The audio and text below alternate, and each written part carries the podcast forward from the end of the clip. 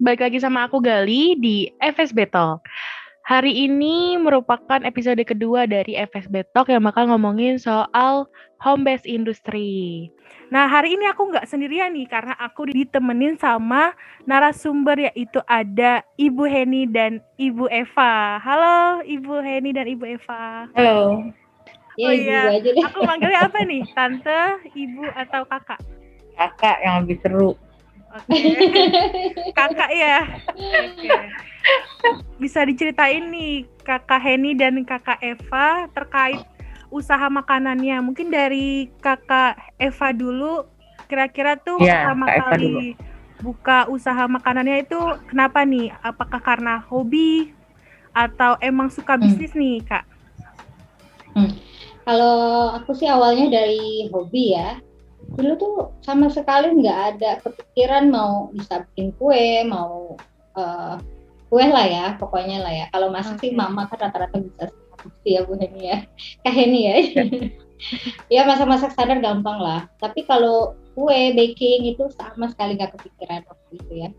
Uh, jadi awalnya adalah pas saya pindah uh, dari uh, rumah saya kan dulu di Condet terus pindah ke sini ke Galaxy uh, karena nggak ada kesibukan apa pun, nggak punya teman karena baru pindah ya waktu itu ya.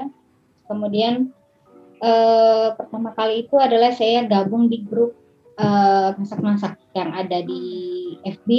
Okay. Mungkin Kak ini juga tahu ya, itu ada langsung enak, ada natural cooking club ya. Mungkin teman-teman nanti bisa untuk uh, mau belajar gitu pemula bisa belajar di sana. Ada tukar resep gratis dan segala macam tips-tips segala macam ada di sana.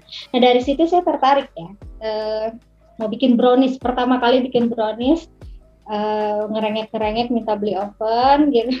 Oven tangkring yang ada di taruh di atas kompor gitu. Kompor iya. langsung uh, itu dia uh, langsung praktek brownies dan alhamdulillah itu langsung jadi langsung bahas wah langsung kagum dong. Ya tapi brownies sih gampang ya buat kita sekarang ya Win. Ambil merem. Yeah. tapi kalau buat saya waktu itu adalah wow ternyata uh, gue bisa. Wah gila ya keren banget sih gue. Waktu itu aja udah bilang gitu gitu loh dalam hati. Karena cemilan untuk anak-anak kan jadi kita nggak apa yeah, ya anak-anak anak-anak suka lah pokoknya ya coklat-coklat gitu ya. Nah udah dari situ uh, saya makin tertarik untuk belajar lebih dari situ karena suka sharing-sharing resep di grup uh, masak-masak itu, grup masak dan baking. Jadi makin uh, banyak lagi resep yang saya coba. Berikutnya resep roti. Dulu gimana bikin roti? Kok roti bisa ada isinya ya? Percaya nggak? Ini gimana cara masukin isinya nih roti? Kok bisa ada coklatnya, bisa ada keju? Saya mikir ke situ. Saya sama sekali nggak ada kepikiran mau bisa bikin kue atau apa pun saat itu. Akhirnya hmm, karena sering uh, pajang status, terus mulai ada dapat teman lah ceritanya mulai dari tetangga, terus tetangga saya kenalin ke teman-temannya lagi, jadi kenal gitu ya. Uh, termasuk saya. Ya termasuk ini. Kak Heni ya. Iya. Yeah. Waktu itu saya pindah ke sini 2011 ya, nggak ada siapa pun, nggak ada teman, nggak punya saudara juga di sini nggak ada. Jadi uh, awalnya itu gitu. Jadi dari benar-benar dari awal tuh saya dari mulut ke mulut yang dari awalnya ada pesanan satu dilay dilayanin aja. Mau pesan satu juga nggak apa-apa gitu ya. Cuman ada satu customer. Ya tetangga saya itu ya. Akhirnya dia kenalin ke teman-temannya. Dan eh alhamdulillah lah sampai sekarang. Sampai sekarang jadi bisa kenal Kerja, sama. Kak Heni juga ya. Sampai yang uh, saya nggak kenal siapa pun gitu. Toto dari Instagram jadi ikutan kelas dan segala macamnya lama kelamaan jadi suka jadi hobi dan hobi itu jadi penghasilan sekarang oh, jadi tambahannya ya. jadi dari hobi nih bisa jadi peluang bisnis ya kak ya Iya ya, betul. betul. Kebetulan kalau saya itu, mas saya kerja. Ya. Pertama kali itu selalu yang saya pikirin yang ada di pikiran saya, gimana caranya kalau saya libur, anak-anak tuh bisa eh, apa cemil makanan atau makan yang memang saya buat sendiri dari hasil karya sendiri yang enak gitu. Nah, waktu itu saya juga baru pindah sama saya baru ke masuk ke Galaxy itu tahun 2014. Oh duluan aku dong jadi warga galaksi sini. Iya. aku aku Jati Asih dulu, baru masuk ke Oh, Galaksi. Nah, oke. Aku tuh udah kursus itu di sekitaran kantor. Ya curi-curi jam kantor itu di saat jam istirahat dari jam 11. Kan kalau eh, waktu itu saya belum baking, tapi masak. Yang masak Ya. cara masak praktis untuk orang-orang kerja cara Ya. praktis yang iya untuk eh, apa bikin lauk yang memang bisa ditaruh di kulkas nanti tinggal dipanasin atau apa yang siap saji. Nah, tahu apa berikutnya bikin makanan-makanan yang simple. Awal-awalnya bikin itu donat. Donat tuh lagi seneng. Nah, orang pada ribut brownies, aku masih beli-beli brownies, tapi baru bikin pizza.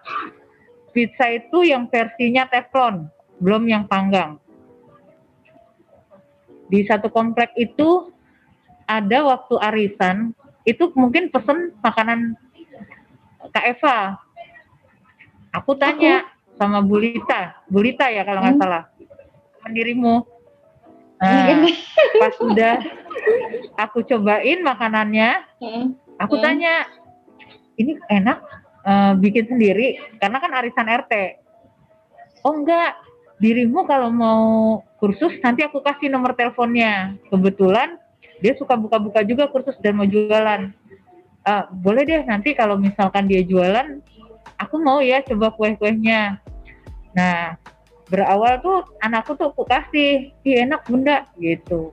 Akhirnya aku gabung lah. Waktu itu aku pertama kali aku pesen kue dulu ya. Kak Eva, Mhm. ingat nggak? Yang awal-awalnya tuh. Eh, Nah, bukan roti ya waktu itu ya? Ah, ah, pesen roti. Yang mana ya sampai padahal tetanggaan rumah beda komplek tuh muter-muter aja nyarinya tuh. Nah, Akhirnya Iya, dari situ, aku. anakku tuh suka gitu. Bunda bikin sendiri dong gitu. Masa nungguin tante Evanya open PO gitu kan. Nah, akhirnya aku mau ikutan nggak kursus ikut kebetulan kebetulan grup kita tuh paling rame ya di antara grup-grup yang lain paling heboh dengan Iya, ibu-ibunya iya. yang Eh, lain Belajar apa gitu. waktu itu pertama kali roti ya?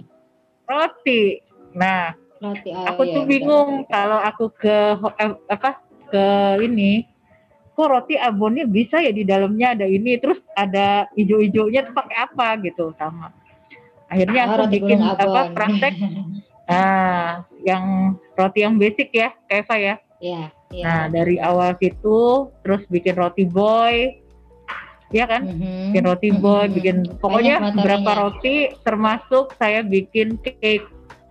Marmer cake yang jadi favorit. Terus Iya, banyak Terus. lagi pokoknya saya ada beberapa kali ikut kursus. Nah grup kita tuh nggak pernah bubar. Jadi kita sharing kadang kita sharing. Nah awal mulanya sama dari mulut ke mulut juga dan kadang saya bawa makanan ke kantor. Hmm, gitu. Saya kadang kan memang hobi saya tuh sebenarnya nggak di baking tapi dimasak. Tapi ketertarikannya tuh sekarang justru ke baking karena memang sekarang kan lebih apa ya karena mungkin pandemi begini kan anak-anak kan banyak kan online di rumah PJJ Iya, kan benar. belajarnya itu kan online. Jadi butuh cemilan yang harus ready jadi butuh cemilan gitu. ya. yang memang kalau hmm, yang tadinya jajan tiga karena di di rumah aja bisa sepuluh kalau pesen. Itu dari situ awal mulanya. Itunya Nah, kalau boleh tahu nih dari produknya sendiri apa aja sih Kak eh, yang dijualin dari usahanya Kak Eva sama Kak Heni nih? Mungkin Kak Eva dulu nih. Kalau aku roti mentai yang sekarang lagi me- lagi heboh Roti Mentai. mentai. lagi hit sama makaron makaron, ya makaron. Ayo belajar Gali bikin makaron. Anak-anak Iya Kak, kuliahan aku pasti suka iya sama yang di manis-manis. box dia Iya, Hmm, Ah, set box di box. Kan lumayan kalau udah bisa masak jadi di rumah snacknya nggak harus beli di luar lagi. bisa langsung bikin Iya snack. betul betul betul. Untuk produk kebenaran aku sih eh, banyak ya, eh, Gali ya. Eh, dessert, cake, biscuit box, roti itu aku bikin semua. Itu aku juga belajar ya. Kalau misalkan kita mau mulai usaha ya kita harus membekali diri kita dulu dengan uh, ibaratnya pengetahuan lah ya, ya kayak gitu ya. Pengetahuan tentang apa sih produk yang kita mau jual, kebisaan lah, maksudnya kebisaan, kebisaan. Jadi nggak ada salah kita belajar, misalkan kayak uh, Bu Heni cari guru, gitu. Saya juga cari guru uh, untuk saya belajar, terus saya aplikasikan, saya jualan. Uh, banyak produknya ada ya macam-macam ya. Aku nggak bisa sebutin satu-satu. Oke, okay, Ada termasuk di box yang tadi uh, Galih minat. Gitu. Oh tadi ada roti mentai ya. Biasanya kan identiknya tuh hmm. mentai sama shirataki atau Japanese rice kayak. Ya? Oh udah banyak ya? itu rice udah banyak, rice udah mentai udah banyak roti mentai belum ada. Boleh dicoba nih ya, mau nyoba nih. Nah, kalau Kak Heni sendiri gimana nih untuk produk dari usaha makanannya ada apa aja nih? Bisa dikasih tahu ke teman-teman nih, Kak. Uh, kebetulan dekat rumah aku tuh ada Swan Bake, uh, Swan Cafe. Swan Cafe tuh yang punya itu tetangga aku kan. Nah aku pertama kali itu bikin roti boy. Nah dari situ aku kasih kan. Nah dia ternyata punya punya kenalan beberapa kafe waktu dia mau buka kafe. Nah dari situ akhirnya dia bilang bisa nggak setiap hari dibikinin uh, roti roti yang gini. Jadi ada beberapa roti jadi satu hari itu saya bisa bikin roti boy itu 100 uh, eh, roti abonnya bisa 100 itu dibagi tiga kafe tapi saya tidak mau yang memang habisnya berapa itu balik ke saya saya enggak jadi beli putus gitu. Dan kebetulan saya udah ada karyawannya dua yang ngerjain setiap hari karena memang saya kan kerja. Kalau Kak Eva memang fokusnya memang udah benar-benar KFA itu udah bener-bener uh, memang sudah sekarang udah pakarnya di baking dari kuehnya kue kue ulang udah kalau KFA tuh udah udah di baking jadi kita tuh kalau di grup walaupun saya misalkan ikut kursus pas waktunya bisa dan nantinya saya nggak bisa. Dan itu pasti saya suka tanya aku bikin ini gini ya nggak bisa. Atau kalau misalkan kelamaan jawab aku suka japri teman-teman yang pernah satu kursus. Jadi kita tuh masih guyup aja di itu. Terus kalau kursus tuh janjian ini ikut nggak? Ini ikut nggak? Akhirnya satu grup lagi gitu. Ya kayak saya Iya. Yang lebih enak bareng-bareng ya kayak ya, kalau kursus ikut kursus iya, tuh ya. satu grup. Yang lebih iya. seru gitu. Kalau Kak Eva sendiri ngejalanin usahanya itu sendiri atau ada dibantu karyawan nih Kak? Enggak. Karyawan aku anak aku. ya udah bisa disuruh apa minta tolong gitu udah bisa mintain tolong. Oke. Nah kalau untuk target pasarnya sendiri nih Kak Heni sama Kak Eva itu ke mana aja nih? Hmm. Mungkin dari Kak Heni dulu nih bisa dikasih tahu ke teman-teman. Heni. Oh, kalau aku target pasarnya satu teman-teman kantor pastinya.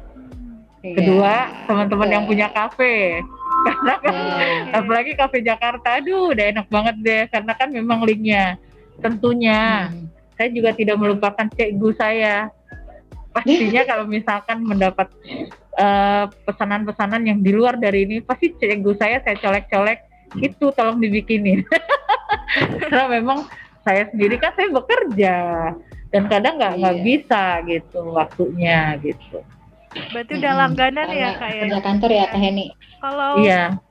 Kak Eva sendiri gimana nih? Target pasarnya ke mana? Target pasar aku eh, kalau misalkan ini ya, paling ya sekitar kita aja teman-teman deket dulu ya, kayak tangga gitu kan, uh, ibu-ibu sekolah gitu ya. Kita lama-lama ya dari situ berkembang dengan sendirinya. Betul. Seperti itu dari. Jadi kayak omongan ke omongan ya kak ya? Iya, dari ya. mulut ke mulut. Dari mulut ke mulut awalnya. Promosi paling mudah, murah meriah ya, Kak Heni. Teman. Iya, betul. Tadi kan bicara soal peluang bisnisnya nih. Kira-kira kalau menurut kakak-kakak nih, apakah home base industri ini merupakan peluang bisnis yang cukup menjanjikan atau enggak nih, Kak? Hmm. Iya, paling menjanjikan banget uh, home base dari rumah ini ya, bisnis dari rumah, rumahan, uh, bisnis rumahan ini, uh, terutama di masa pandemi ini, uh, alhamdulillah kalau saya lihat ya dan kita juga semua tahu ya pasti ya banyak uh, mall yang ini ya mengurangi karyawan dan segala macam gitu ya, yeah, rumah makan mungkin ada yang tutup kafe uh, kurang lagi sepi gitu ya. Dan yang nggak terlalu berdampak adalah kita ini yang dari rumah. Justru di pandemi ini kalau saya lihat ya dari setahun kemarin itu lebih ramai daripada sebelumnya. Iya betul. Ya, Teh ya lebih ramai daripada Betul. sebelumnya. Betul lebih ramai. Jadi malah lebih peminatnya itu. tuh lebih banyak pas lagi corona gini ya kak ya? Dan nggak malah nggak berkurang sedikit pun malah bertambah. Alhamdulillah malah Alhamdulillah. jadi peluang besar ya tante ya. Ya, peluang besar. Terus yang dari tadinya nggak bisa bikin kue, jadi akhirnya dia malah mau belajar gitu, nyari kesibukan. Oke, nah Ya, kalau betul. dari kak Heni sendiri gimana nih? Menurut kakak soal home based industry? Best industri itu buat saya menjanjikan banget. Apalagi walaupun saya bekerja ya, tapi kan sekarang eh apa ada nggak sepenuhnya masuk kantor kan? Ada WFH dan WFO-nya. Nah, setelah saya tugas dari kantor WFH, eh, apa WFO, misalkan saya WFA, W- WFH, tapi kan tetap saya eh, harus misalkan ada ada zoom meeting, ada pekerjaan yang harus saya selesaikan, harus juga monitor tentang ke- apa kerjaan-kerjaan yang sudah saya laksanakan gitu. Nah, itu eh, setelah itu saya tuh bisa, nah saya kan bisa kontrol. Misalkan gini, saya kebetulan ada dua bisnis. Saya tuh punya eh, satu saya punya konveksi, konveksi pakaian dalam yang kebetulan saya untuk jalurnya eh, bukan eh, saya bukan untuk Indonesia tapi untuk ke luar. Saya ke bagian timurnya gitu. Oh. Nah, saya tuh bikin pakaian dalam. Untuk kemarin aja saya tuh uh, selama masa pandemi gini, alhamdulillah saya tuh pengurangan karyawan tuh nggak ada. Untuk tukang jahitnya ya, itu tidak ada. Eh, malah memang omset agak agak sedikit menurun. Saya akuin memang omset agak sedikit menurun. Tapi untuk eh, pembiayaan gaji karyawan, saya tidak ada sedikit pun yang saya kurangi. Jadi eh, tambal sulam aja untuk kegiatan ini. Nah, eh, di konveksi ini memang cukup menarik karena saya bikin pakaian dalam pakaian dalam, tapi untuk orang eh, yang bukan size-nya orang Indonesia, Oke. tapi eh, saya untuk size orang orang-orang luar, terutama di Turki, eh, apa Arab, Arab Saudi, dia delapan kali pakai buang Oh, pakaian dalamnya. Nah, itu kadang-kadang yang banyak menyita waktu saya di masa saya WFA, WFH. Setengah apa saya setelah mengerjakan tugas-tugas kantor saya, biasanya saya langsung ke konveksi saya lihat. Gitu. Itu aja. Kalau untuk menjanjikan menjanjikan sama eh, menjanjikan sangat menjanjikan untuk para ibu-ibu wanita-wanita yang memang yang mempunyai bakat eh, terutama kayak cikgu saya Kak Eva itu yang memang benar-benar bikin motivasi untuk ibu-ibu muda terutama itu bisa banget. Yang tadinya nggak bisa bikin kue dan sekarang bikin bener banget. Yang tadinya saya nggak hobi saya kan nggak terlalu hobi saya hobi di dunia masak. Tapi akhirnya karena udah ngerasain satu kue apa karena kalau kita kursus kan kita ada arahannya ada ada standar resepnya jadi oh nih kuenya enak, oh jadinya banyak. Cuman memang bentuk itu sesuai dengan buatan kita sendiri gitu. Nah akhirnya dari situ kan kita kepacu, oh ya besok bikin ini. Nah Kak Eva itu nanti posting lagi, ini yang baru loh.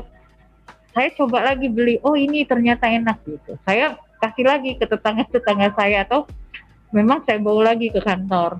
Nanti komentar di situ kalau seandainya saya buat ini dan saya jual ini kira-kira bisa nggak bagus nggak. Jadi Kalau saya sih menghimbau ke ibu-ibu ya tante ya.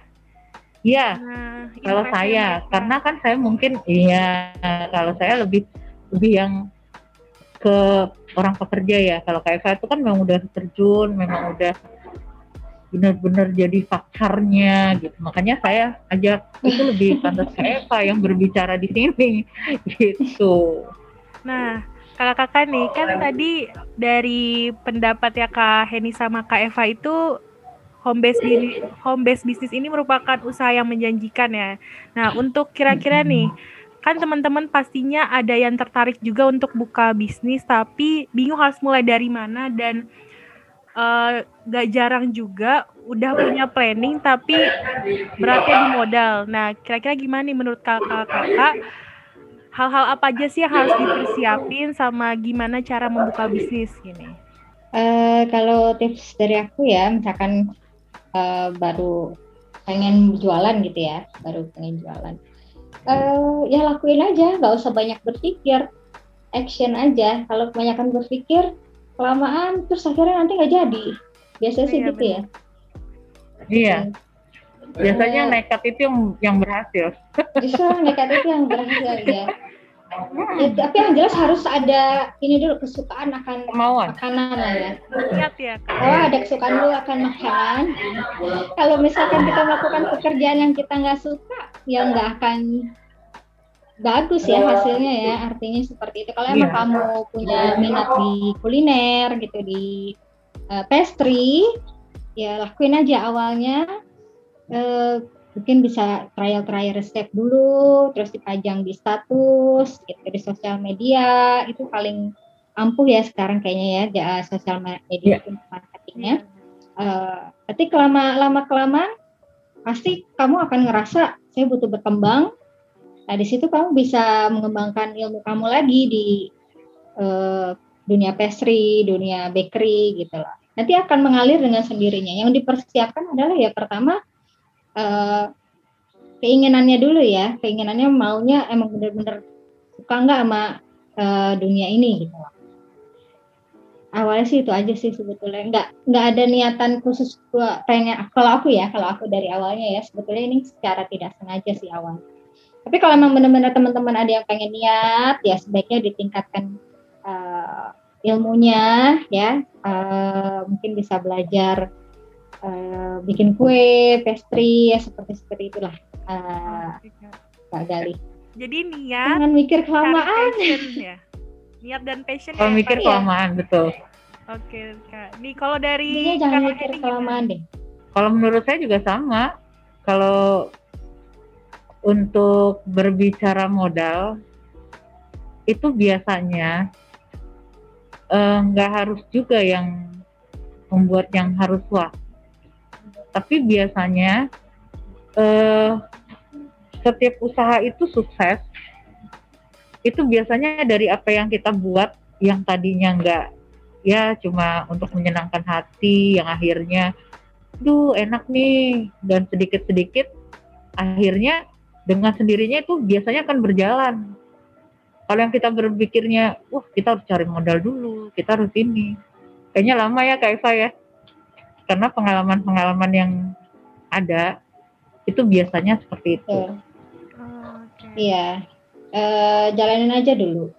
Sekarang kalau ya. untuk uh, kalau untuk modal ya ya pastinya lah kalau misalkan kita mau yang enak ya modalnya juga lumayan. Tapi kalau misalkan ya, ya Kak Hedi ya. Iya. kita realistis Betul. aja ngomongnya nggak usah yang iya. kayak di dunia dongeng nggak usah. Ya realistis aja. Emang kenyataannya itu ya mau diapain gitu kenyataannya seperti itu gitu. Oh, iya, iya. Kalau aku sih tadinya ada di grup kita itu namanya Bu Aziza. Dia juga sama. Best industri juga ya Kak Eva ya. Kebetulan dia di dunia perkeripikan. Keripik singkong. Keripik oh, okay. ya. Keripik singkong yang baladonya enak, pisang, hmm. keripik bawang dan ketertarikannya di baking juga ada ya. Saya pertama yeah. kali waktu kenal itu ya di kursus-kursusnya Eva. Ya, jadi kita jadi kenal satu sama lain ya. Iya. Jadi saya dari dari Becky eh, dari apa? Uh, dengan dengan teman-teman yang saat itu ternyata mereka punya uh, bisnis yang masing-masing. Sampai dokter gigi pun ada. Wow. Bu dokter ya, Kak Eva ya. Iya. Iya, dokter gigi juga. Maya. Suka baking juga. Hmm. Dan setiap hari tuh dia pasti posting-posting makanan yang memang kadang hasil dari kursusnya Kak Eva. Terus nanti di grup ada juga yang sudah punya salah satu ini juga uh, Bu Septi ya Kak Eva ya, dia juga buka juga yeah. ya. Iya. Yeah. Nah, jadi kadang-kadang di grup itu juga kita sharing gitu. Okay. Nah, itulah yang kadang suka yang yang uh, dari teman-teman baking itu sendiri yang kadang bisa ngebangkitin yang tadinya udah males ah saya ngebaking dan akhirnya posting-posting makanan jadi kita jadi semangat lagi gitu. Oh, Oke, okay. jadi dari private class ini nambah relasi ya kak ya? Betul. Iya. Jadi saling ya. support satu sama lain biar uh, terus semangat nih untuk ngebangun bisnisnya. Nah kalau dari Kak Heni sendiri nih, kalau saat ingin melaunching produk baru itu biasanya uh, ngikutin tren pasar atau membuat inovasi sendiri nih kak? Bisa dari inovasi sendiri, bisa juga dari tren pasar. Tren pasar itu kan kadang dari kalau saya kan anak-anak saya tuh ABG ABG ya, oh. yang kadang dia bawa makanan ini loh, bikin ini, bikin ini gitu. Dan kadang juga kalau dari survei pasar itu kan kalau di dunia orang bekerja itu kan jarang. Oh. Kadang kan ibu-ibu ya makanannya kan standar-standar aja tapi biasanya kalau dari anak-anak yang memang dia kadang ke mall, kadang ke mana, dia lihat dari yang, oh ternyata nih enak loh, ini gini loh. Nah, saya pakai poin tuh di Instagram, terutama Instagramnya Kakak Eva. Lihat dia udah pernah bikin belum ya? Kalau Kakak Eva udah bikin loh, berarti saya udah bisa private atau saya tanya-tanya dulu nih gimana gitu. Oke, jadi dari bisa rekomendasi anaknya kakak Heni atau survei tren pasar ya kak ya? Yang lagi iya, apa yang lagi tren kalau saya, iya. Nah kalau kak Eva sendiri gimana? Kalau mau launching produk baru biasanya uh, lebih ke inovasi sendiri atau cari tren pasar kak? Uh, apa ya, saya sih nggak terlalu ngikutin yang lagi uh, tren banget sih sebetulnya enggak. Oke. Okay. Uh, eh, kayak kemarin roti garik aja udah telat banget sih baru bikin. Karena iya. itu juga ada yang mau, ada yang minta. Soalnya saya bilang udah banyak gitu ngapain. Nah, kayak yang mentai-mentai itu kan rice salmon, rice mentai itu kan udah banyak. Roti mentai kan belum ada, belum oh, banyak iya, kan. Bener. Nah, ya kan, jadi eh, nggak uh, terlalu ngikutin tren sih ya kalau aku mah. Tapi kue-kue aku yang aku bikin memang itu jarang ada yang buat ya Bu Heni ya iya betul di set aku tuh kadang-kadang kadang-kadang di toko-toko roti yang terkenal tuh udah nggak ada gitu nggak ada dan memang uh, anak saya juga bilang kalau pas lagi ke mall aku mau dong yang roti yang biasa pesen di Tante Eva. Pas kita cari tuh nggak hmm. ada. Itu yang udah terkenal yang benar-benar itu kadang dia bingung yang mana ya gitu. Soalnya biasanya ya. mentai itu identiknya shirataki aku juga biasanya kalau beli mentai ya nggak jauh-jauh dari tadi shirataki sama Japanese rice. Dia harus PO dulu nih kak kalau mau pesan iya, harus PO dulu nggak bisa dadakan kalau kak Eva mah jadi malah lebih seringan jualan di WA daripada di, di WA di yang sering cepetnya. Jadi iya. Ya. Jadi kalau ya di IG tuh apa open PO open PO belum sempet open PO resmi udah habis karena udah aku naikin di status duluan. Oh, jadi lebih ya Allah deh, pokoknya customer WA ya, aku ya? termasuk ini Kak Heni ya Allah. Hah? marketingnya lebih banyak di WhatsApp ya kak ya Iya, karena aku juga terbatas jumlahnya nggak bisa terlalu apa banyak bikinnya, jadi belum naik uh, open PO iklannya gitu di Instagram, di status sudah habis. Itu di, di WA udah habis, lebih cepat. Wah, rebut-rebut. Karena kan kalau ibu-ibu yang suka kepoin WA-nya, jadi dan Eva tuh lebih cepat. Oh. Nah, aku nanti jadi salah satu konsumen. Nanti yang di IG itu udah udah udah lewat biasanya. yang di IG itu udah tinggal foto-fotonya aja. Biasa sih oh, gitu ya. Okay. Kak, kalau ngomongin ya. soal tren pasar nih, kira-kira menurut kakak-kakak ada kemungkinan gak sih kalau produk yang kita jual itu dari tren pasar tapi nggak laku nih karena udah banyak penjualnya yang menjual produk itu. Kira-kira ada kemungkinan nggak sih kak? Kalau dari saya sih, kalau untuk produknya dari Kak Eva nggak ada kemungkinan nggak laku karena saya nggak pernah dapet kuota saya dadakan. Kalau habis ya kayak. iya, karena Eva itu tahu seleranya anak-anak yang zaman sekarang, anak zaman now. Udah tahu seleranya. Saya nggak ngerti roti mentai itu apa. Waktu baru pertama kali saya beli aja, eh waktu saya pesen itu aja, itu anak saya bilang gini, ini bunda, rasanya itu sama nggak sama yang aku makan waktu itu, tapi bukan roti. Kalau nggak salah dia tuh makan apa ya? Terus ternyata Aleka bilangnya apa? Ternyata lebih enakan Teh Eva, makanya kalau ke mana-mana pesen Teh Eva aja. di Eva Kitchen gitu. Karena kalau saya kalau saya punya keyakinan apa pun yang uh, ini bukan saya karena ini cek ibu saya bukan, tapi karena memang saya berbicara realitanya gitu. Buktinya saya dapat jarang dapat slot. Di di akhir saya lihat mau dong habis. Nanti nunggu lagi ya dua hari lagi. Habis tunggu minggu depan ya. Ini mau off dulu. Mau memanjakan diri dulu. Gitu. Jadi kalau menurut saya kalau memang yakin dengan apa yang kita buat itu pasti enak nggak ada istilahnya nggak laku ya nggak Kaifa ya betul sekali betul sekali Heni Cuma kalau kita awal-awal ya pasti bukan yang nggak laku ya, mungkin orang karena belum ya. tahu aja, gitu aja. Bukan nggak laku tapi orang belum kenal gitu, belum tahu bukan yang nggak laku karena nggak enak enggak oh, oke okay, kak. Berarti hmm. selalu ada peluang ya selagi mau mencoba nih ya kak ya? Selalu kalau ada peluang betul sekali jadi peluangnya itu mungkin uh, teman-teman bisa sering-sering bikin pertama kalinya ya sering-sering promo di hmm. Instagram atau FB-nya atau WA-nya masing-masing Insya Allah dari situ nanti dari mulut ke mulut gitu ya kalau kita misalkan mau menjalani bisnis ini yeah. Iya. misalkan baru-baru mau coba gitu atau memang sekedar hobi gitu atau pengen dapat duit yang gitulah tapi kalau mau profesional benar-benar ya mungkin kita harus cari kayak saya juga nih saya terus terang belum belum profesional benar-benar terjun mau memperluas ini ya uh, bisnis saya ya belum pikiran ke sana. Uh, karena saya masih nyaman dengan keadaan yang sekarang saya juga pengen jadi pengajar jadi saya nggak fokus untuk jualan terus untuk memperlebar gitu memperlebar sayap itu nggak nggak belum fokus ke sana jadi kalau teman-teman pengen betul-betul mencemplungi dunia ini menekuni dunia ini bisnis betul-betul secara profesional ya cari mungkin apa sih konsultan ya Kak Heni ya, ya yang untuk ke sana bisnisnya supaya lebih besar. Kalau ke saya mungkin bisa belajarnya aja. Kan? Jadi cegu. ya, Tapi kayak saya itu jadi pengajar di toko-toko bahan kue loh. Oh, Putaran Galaksi udah tenar. Iya, sebelum buka private sendiri, sebelum itu di toko tahun berapa ya, Eva? Itu Efratos pertama kali ngajar di TBK. Enggak, tahun Efratos berapa ya waktu itu?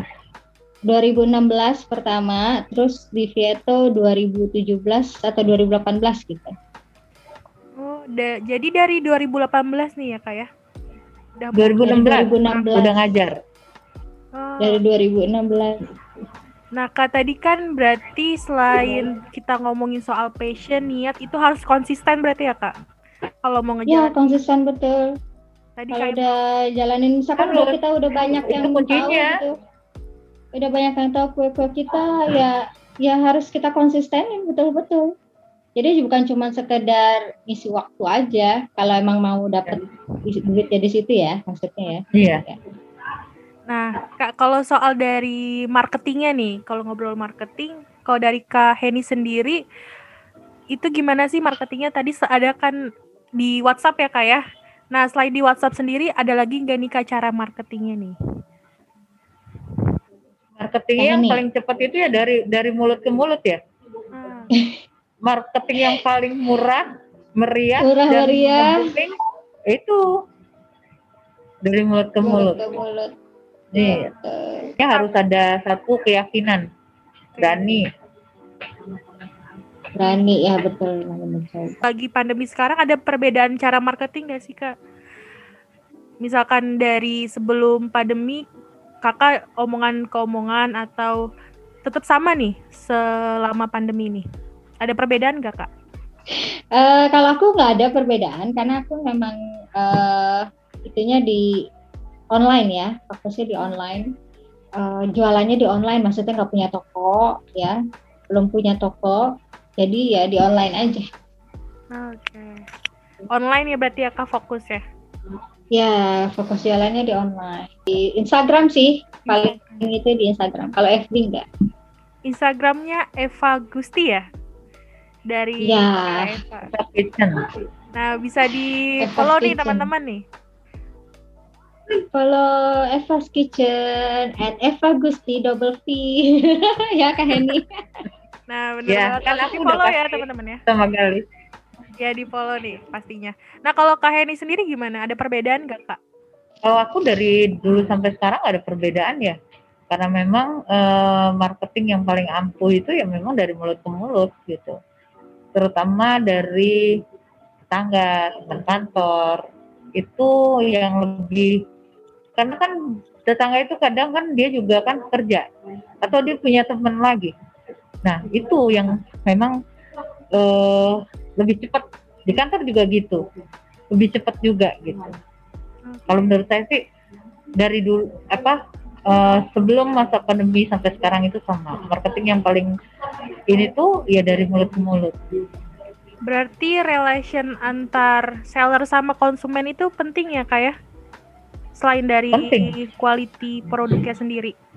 Saat promosi nih ke konsumennya kakak lebih konsisten approach uh, konsistennya kayak uh, ngepromosiin di chat WA-nya atau lebih ke broadcasting nih?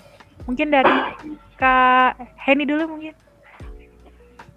Kalau saya, karena memang saya bukan di dunia online, saya tuh pastinya saya tuh bawa sampel saya buat dulu ke kantor okay. Saya buat dulu anak-anak saya saya buatin saya cicip-cicip dulu biasa saya kasih kalaupun cuma itu paling kalau saya cuma foto-foto atau anak saya aja yang ngasih ini rasanya enak ngasih ini dia lebih yang gitu gitu hmm. kalau saya sih lebih yang gitu jadi lebih face to face ya kak ya Langsung iya, kalau saya lebih gitu karena saya nggak ada online. Iya. Oh, Oke. Okay. Nah, kalau Kak Eva sendiri gimana cara nge-approach uh, konsumennya nih? Hmm, Iya, kalau saya eh, kebetulan udah ada ya eh, Instagramnya dari dari awal dari awal itu saya suka posting foto akhirnya jadi uh, akhirnya betul-betul semua isinya buat jualan aja di Instagram. Okay. Jadi saya lewat Instagram aja, Gali. Kalau kalau Bu Heni kan emang dia kerja kan, beliau kerja di temennya yang di kantor, dari teman kantor ke teman yang lain. Kalau aku nggak keluar rumah, jadi dia online aja. Oke. Okay. Ya, Apalagi sekarang lagi gitu. pandemi ya, kayak ya. lebih baik WFH yeah. aja di rumah, yeah, lebih aman. Iya. Uh, ini kali kalau di itu kan suka ada yang promote-promote gitu ya, hmm. kayak akun promote. Uh, jadi kita bayar, terus mereka ngiklanin gitu loh. Itu juga bisa kita manfaatin seperti itu. Iya betul. Oke, jadi pakai via promote ya, kayak ya? biar lebih uh, ya. tersebar ke banyak orangnya hmm. lebih cepat nih. Terjangkau luas. Ya, terjangkau ya. luas, bener. Lumayan ya kayak ya? soalnya jadi orang-orang jadi tahu produknya Lumayan. yang dipromotin itu ya kayak. Ya? ya, untuk kayak gitu-gitu uh, untuk kayak gitu-gitu kita perlu juga. Jadi jangan lihat juga ngeluarin duit buat promosi. Perlu juga. Iya, betul. Kalau mau kita online gitu ya, karena kita nggak ketemu banyak orang, terus kita nggak punya toko misalnya ya, ya salah satu jalannya adalah itu. Oke. Nah, gitu. Kak tadi kan udah ngomongin soal marketing, terus relation juga sama uh, konsumen ya. Nah sekarang Kira-kira nih dari kakak-kakak selama ngejalanin home base industri ini ada suka dukanya nggak sih kak? Mungkin dari kak Heni dulu nih boleh? Kak Heni, Kak Heni dulu. Oke, Kak Heni, monggo. Kalau dari suka dukanya itu, saya tuh kadang kurang kontrol aja. Suka dukanya itu kak, aduh kurang kontrol nih, ini gini gini gitu. Tapi banyakkan sukanya dibanding dukanya gitu ya dukanya karena saya kurang kontrol iya karena kadang kan pas hari ini WFH ternyata eh, nggak uh, bisa WFH harus ada tugas kantor yang harus diselesaikan lebih cepat ya mau nggak mau di dunia konveksi itu kan nggak kayak dunia makanan yang memang basi dan gosong kan. Nah kalau yang di dunia konveksi itu kan yang kontrolnya bisa karena memang di sana saya pasang eh, CCTV yang memang saya bisa ngelihat dari handphone Oke. gitu. Paling kalau saya sedang dikejar target aja gitu. Nah kalau kemarin saya ngerjain untuk Sudan 3000 lusin itu dalam waktu tiga minggu Wow. yang akhirnya dikerjain sampai jam 11 malam jam 11 malam sampai jam 11 malam ya itu yang harus dikontrolnya itu pas udah di atas jam 7 ya setelah maghrib itu yang harus dikontrol. Kalau dari paginya sampai itu sih saya yakin mereka juga. Karena eh, dengan penjahit itu saya kan sistemnya itu borong. Berapa satu hari dia tuh ker- bisa kerjain itu yang akan saya hitung untuk gajinya di akhir minggu. Jadi setiap minggu. Oh, jadi kalau saya sih kalau di konveksi dunia konveksi itu gitu. tuh. Ya tiga minggu itu harus 3000 lusin. Wow, banyak banget itu 3000 harus ditargetin tiga minggu ya. Ngebayang kan? Nggak kebayang. Iya. Hektiknya sebagaimana itu. Nah, kalau kak Eva sendiri gimana nih? Ada suka dukanya nggak selama buka Eva Kitchen nih? Pasti ada ya. Ya karena kita online jualannya ya, jadi dukanya itu ya paling sekitar dengan orderan nggak jadi aja Oh, gitu. Jadi mungkin tipsnya buat teman-teman eh, suruh customernya nanti kalau misalkan yang jualan online eh, biasakan eh, DP dulu. oh DP Jadi biar dia nggak cancel kita udah bikirin atau cancel kan gitu ya. Walaupun nanti akan ada yang beli, tapi kan rasanya itu kayak gimana ya?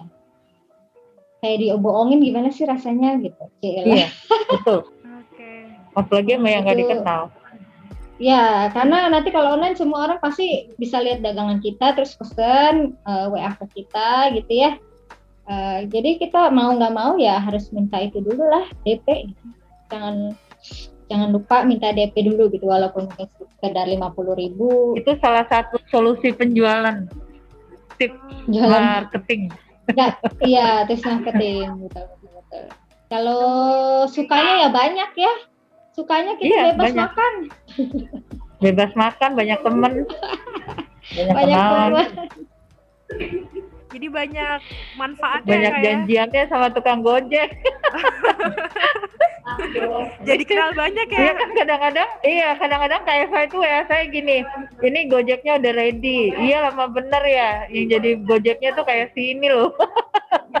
Saya suka gitu karena memang eh, kalau nggak sempat ngambil kan kita mau nggak mau dipakai gojek kebetulan Hmm. kalau yang dari jauh gitu kan kayak saya Iya, karena kita saya sama nggak- juga bekerja nggak sama-sama nggak bakalan Pasti kan Gojek. sebenarnya.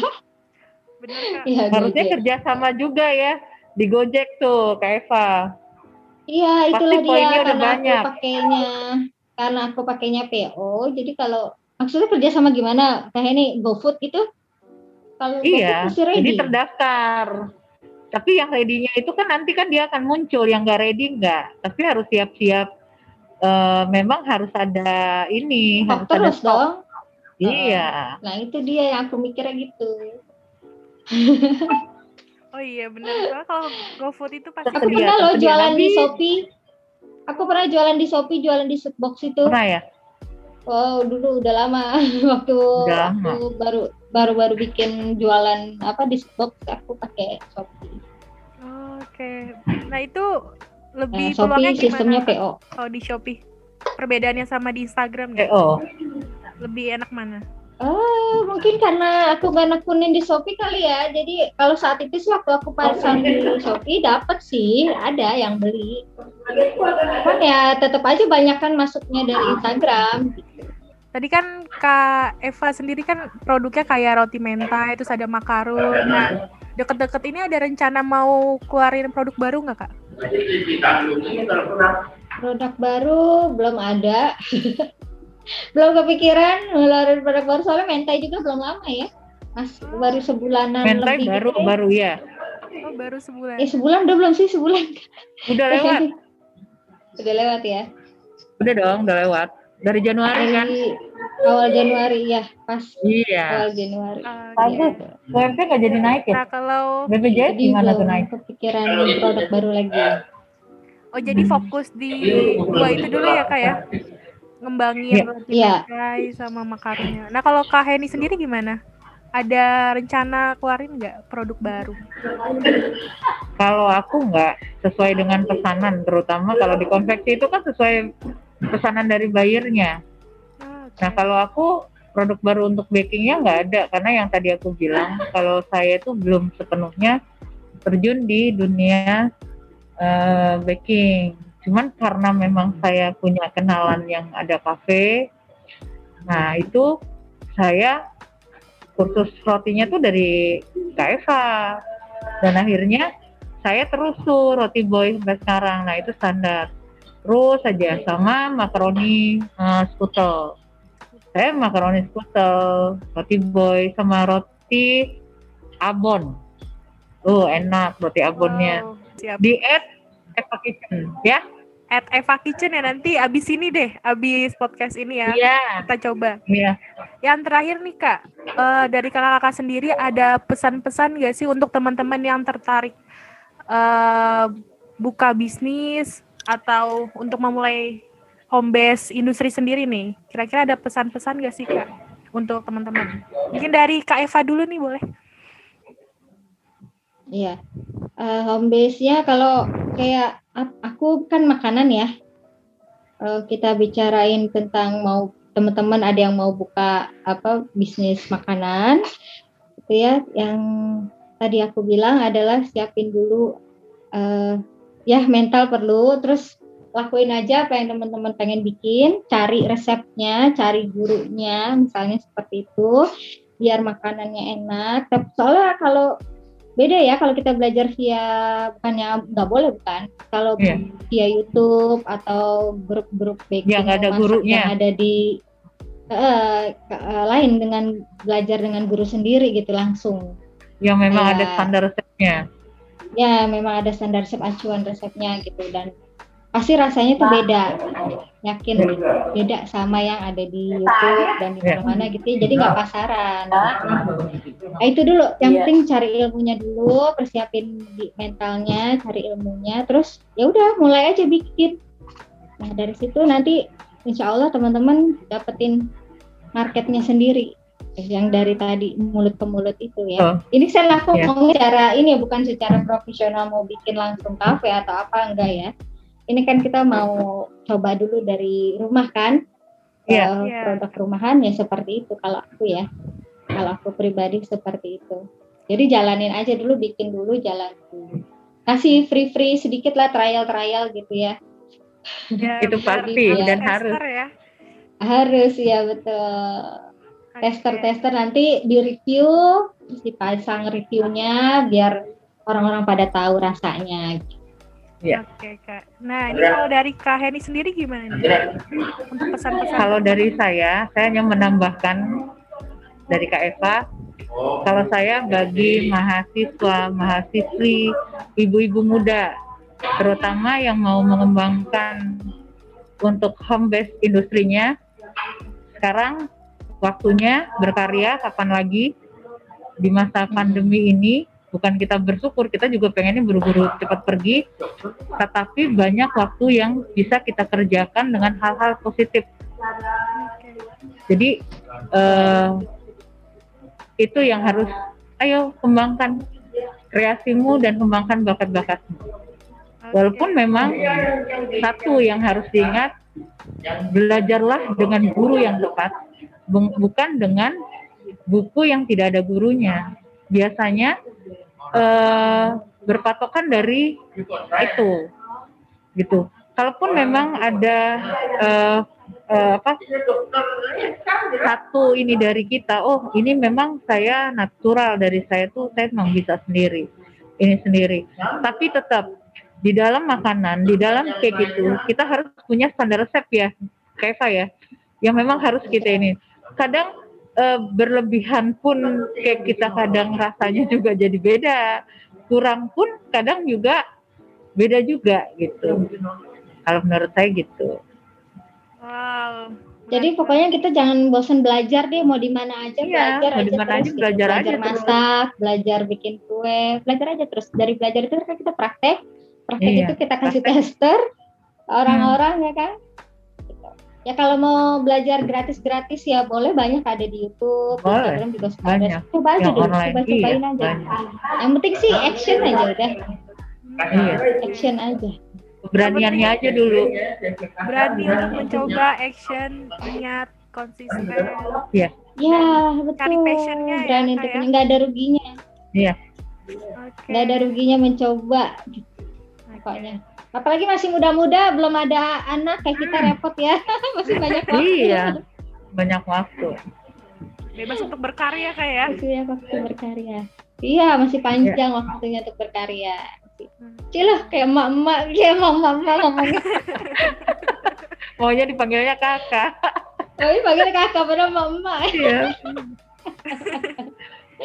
Nah, Ya Allah. mungkin pembahasan untuk hari ini itu aja kak. Nah, aku terima kasih banyak nih ke kak Heni sama kak Eva yang udah mau menyempatkan waktunya untuk sharing pengalaman kakak tentang home base industri dan beri aku Ya. sama teman-teman insight baru nih tentang gimana sih cara membuka bisnis dan pengalaman-pengalaman. Nah, terima kasih ya kak ya Ya. sebelumnya. Nah mungkin untuk Ya, Sama-sama, sama-sama Gali. Gali. Semoga bermanfaat ya. Bermanfaat. kami Walaupun sedikitnya, semoga ada manfaatnya ya. Amin. Nah, semoga juga untuk bisnisnya Kak Eva sama Kak ini selalu sukses nih. Dan oh iya, Amin. Amin. tadi kan ada pembicaraan soal Apa? private class nih. Mungkin nih teman-teman yang tertarik untuk ikut private Ah. baking kelasnya Kak Eva, terus bake, eh, private class dessert box ya Kak Heni nih, mungkin bisa langsung hubungin aja ya Kak ya. Bisa langsung hubungin ke mana aja nih? Mungkin bisa dikasih tahu ke teman-teman Kak. Bisa ngelewat atau lewat WA atau langsung ke Instagram. Mungkin Kak Eva dulu bisa dikasih tahu nih, bisa dihubungi lewat mana? Kalau aku ya ada WA aku di Instagram, udah ada link di bio. Tinggal ketik di situ kalau teman-teman mau tanya mungkin eh, kelas apa yang available, yang online atau mau privat. Tapi kalau yang lagi ramai sekarang privat itu makarons. Karena kita tahu makarons itu kan hanya dibuat oleh kafe-kafe ternama, bakery ternama ya. Belum belum banyak makaron yang homemade loh. Baru Belum ada. Belum Cila ada. baru belum ada. Belum ada makaron homemade. Ayo belajar makaron semua. Eh, makaron ya dari anak-anak ABG tuh paling demen makaron ya. Kalau kita udah sedikit Iya. aja makannya udah tua. Iya. Dari warnanya. Lucu-lucu ya. Eh, paling laku itu di apa? Eh, makaron ya. Maksudnya untuk anak-anak remaja kuliah itu makaron. Udah di mana? Pasti kamu tahu kan Gali? makaron. Tapi waktu itu baru coba sekali sih kak. Makanya ini kayaknya aku ada tertarik nih untuk coba makaronnya kak Eva nih. Nah kalau Eni, Ya, karena orang-orang kamu tahu mau private, nanti aku yang temenin. susah. wah boleh boleh. Iya, orang taunya makaron itu susah mahal karena kalau di mall berapa itu harganya bisa Iya. Enam puluh ribu. harganya di Mahal kak. Enam puluh ribu ya. Isi Iya. berapa? Kalau yang di mall-mall. Dua. lima puluh ribu isi cuman berapa Enam biji puluh ribu. Isi empat. Alaika apa tiga ya? Oke. waktu itu kalau di mall Warnanya ya satu dua tiga. Iya. yang di bakery ternama juga gitu Iya. gitu ya jadi saatnya ayo kita bikin sendiri produk homemade sendiri yang makaron homemade kita Kalau saya melalui WA di nomornya nanti Gali aja yang posting. Kalau saya nggak ada IG ataupun apa saya nggak ada. Nanti Gali aja yang posting. Oke teman-teman, mari kita berkarya, bikinan kita sendiri, jangan maunya beli terus, justru kita harus bikin, kita bisa jual pikiran kita, dapat income dari hobi kita, Iya. gitu aja ya. Kita cinta dengan produk-produk kita sendiri.